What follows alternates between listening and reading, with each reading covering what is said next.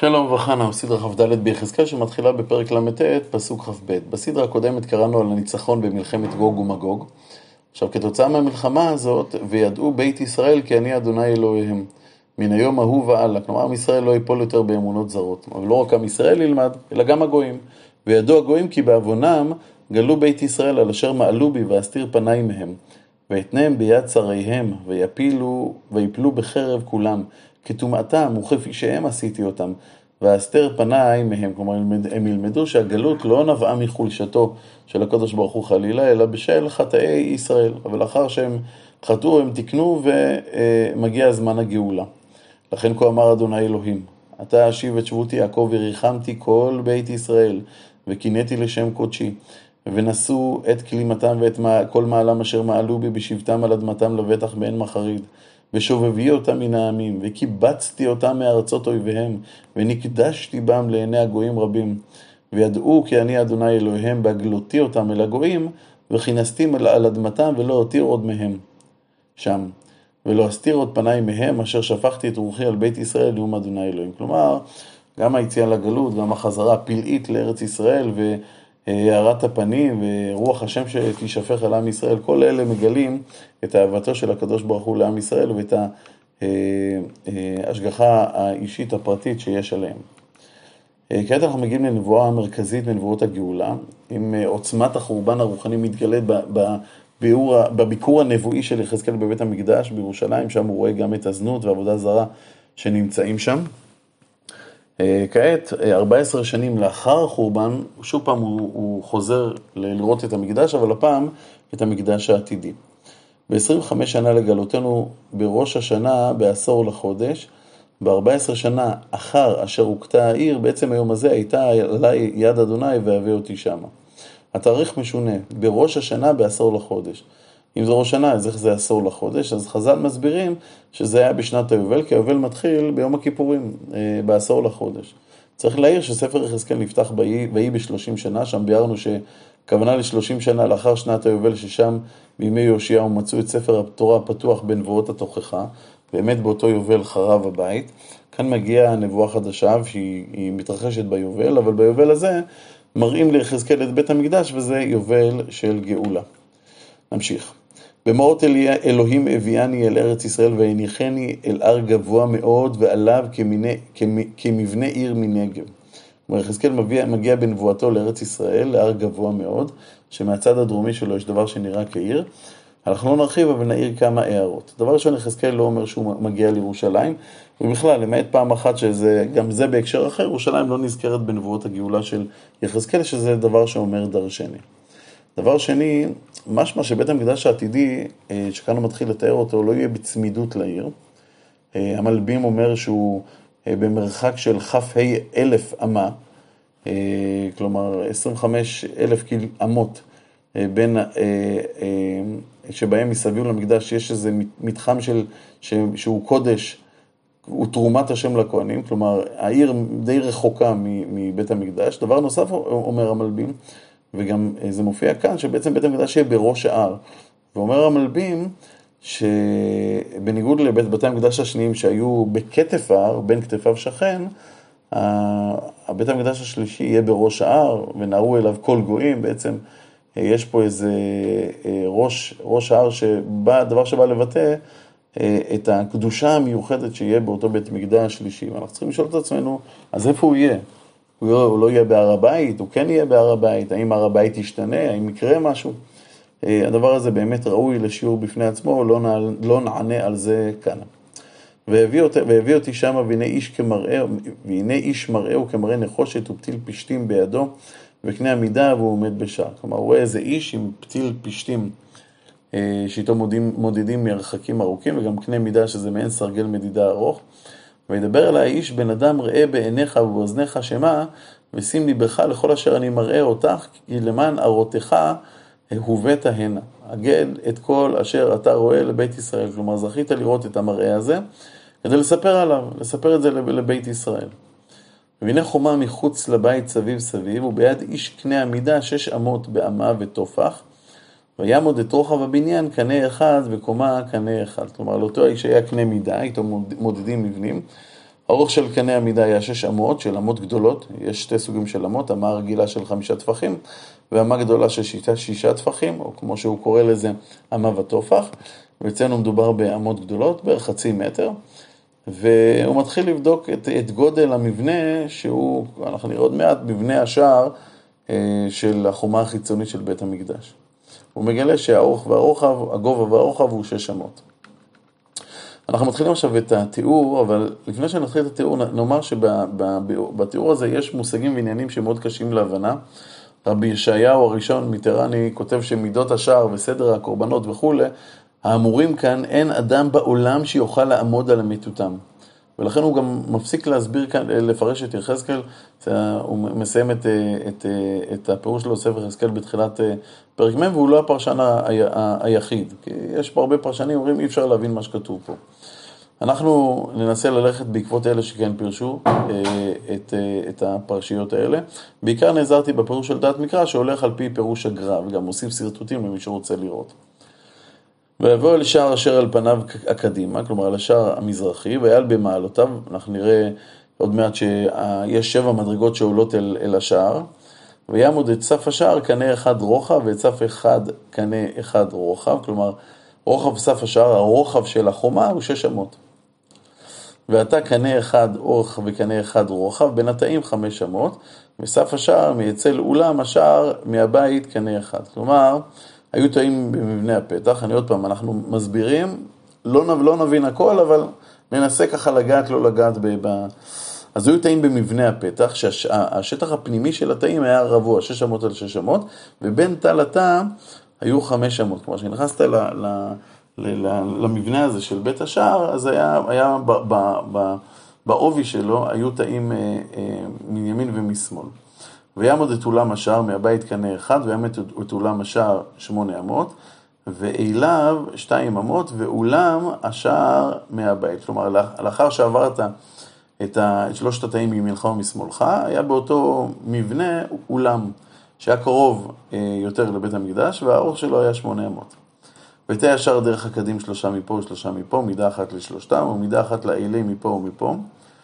אה, צריך להעיר שרש"י מסביר שהתאים פה היו צמודים לחומה, אבל כמו שאמרנו, אה, הסבר הגר"א אה, אומר שהם היו בתוך החומה, ברוחב של החומה, והרבי יולי בן מביא שפרופסור גאל ידין גילה בתל חצור, שער ישראלי קדום, שהיה בנוי באותה צורה שהגר"א ביאר את השערים, את התאים שהיו בפרשה, בסדרה שלנו. ויעמוד את רוחב פתח השער עשר אמות, אורך השער שלוש עשרה אמות, וגבול לפני התאות אמה אחד, ואמה אחד גבול מפה, ועתה שש אמות מפה ושש אמות מפה. עוד מעט נסביר. ויעמוד, ויעמוד את השער מגג התא לגגו, רוחב עשרים וחמש אמות, פתח נגד פתח. כלומר, לפי הגרע אפשר לסכם ולומר ככה. אדם מגיע ממזרח אל השער החיצוני. הוא עולה שבע מדרגות, נכנס למבנה של שער, המבנה הזה שהוא בית השער היה ארוך וצר, היה לו אורך של 50 אמה. כלומר, נכנסת לבית שער הזה, ראית שהפתח היציאה אה, אל החצר היה 50 אמה לפניך, והרוחב שלו 25 אמות.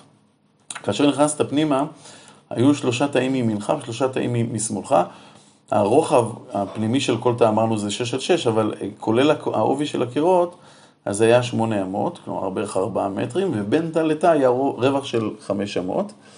בנקודה שהיית בין התאים, כלומר שהתא מימינך ומשמאלך, רוחב המעבר היה עשר אמות, כשעמדת בין התאים, באותם חמש אמות שבין התאים, המעבר התרחב ל-13 אמות, כי בכל צד התווספו אה, אמה וחצי. ואחרי שבעצם עברת את כל, את שלושת התאים האלה, אה, מימינך ומשמאלך, הגעת לאזור יותר רחב, שבו זה, זה בעצם היה האולם. ויעש את אלים שישים אמה, ואל אל החצר, אל אל החצר השער סביב סביב. הפסוק הזה לא כך מובן, למה כתוב ויעש את האלים, הרי יחזקאל רק רואה, הוא לא אמור לעשות שום דבר. ואם האלים הם באמת עמודים, כמו שזה נראה, אה, הפרופורציות מאוד קשות. אה, להעמיד עמוד בגובה של 60 אמה, בערך 30 מטר, מקביל לבניין בגובה של 10 עד 12 קומות, שעומד על בסיס של אה, שתי אמות, זה מאוד מאוד קשה להבנה. נמשיך. ועל פני שער העיתון, כלומר על פני, על פני אורך השער שממנו הוא בא, עטה, אה, בא, שער העיתון, בשער שממנו הוא בא. הלפני אולם השער הפנימי 50 אמה, כמו שאמרנו, אורך שער הכניסה היה 50 אמה, וחלונות אטומים אל התאים ואל אליהמה לפנימה אל השער סביב סביב, וכן לעלמות, וחלונות סביב סביב לפנימה ואל איל תימורים. כלומר, לכל המבנה היה חלונות אטומים, והיו קישוטים של תימורות, של, בצורה של תמר, של דקל. וכעת הוא יוצא ממבנה השער ונכנס לחצר החיצונה. והבאני אל החצר החיצונה, והנה לשכות ורצפה עשוי לחצר סביב סביב שלושים לשכות אל הרצפה, והרצפה אל כתף השערים, לעומת אורך השערים, הרצפה התחתונה. אז יש שם איפשהו, בתוך החצר, החצר החיצונית הזאת, אה, שבין החומה החיצונית לחומה הפנימית יש שלושים לשכות, והוא לא, לא בדיוק מסביר איפה כל, הלש, כל לשכה ולשכה ממוקמת ומה יש בה. ויעמוד רוחב מלפני השער התחתונה, מלפני החצר הפנימית, מחוץ מהאמה הקדים והצפון. כלומר, המרחק בין השער המזרחי, החיצוני, עד לתחילת השער המזרחי שהיה בחומה הפנימית, היה 100 אמות. כעת הוא עובר לשער החיצוני הצפוני, אה, ונראה שהוא זהה למזרחי, והשער אשר אה, פניו דרך הצפון לחצר החיצונה, מדד אורכו ורוחבו, ותאב שלושה מפה ושלושה מפה, ואלה ואלמו אה, ואלמיו היה כמידת השער הראשון, חמישים אמה אורכו ורוחב חמש ועשרים באמה, וחלונה ואלמיו, ותימורו כמידת השער אשר, פניו, אשר פניו דרך הקדים, ובמעלות שבע יעלו בו, ואלמיו לפניהם.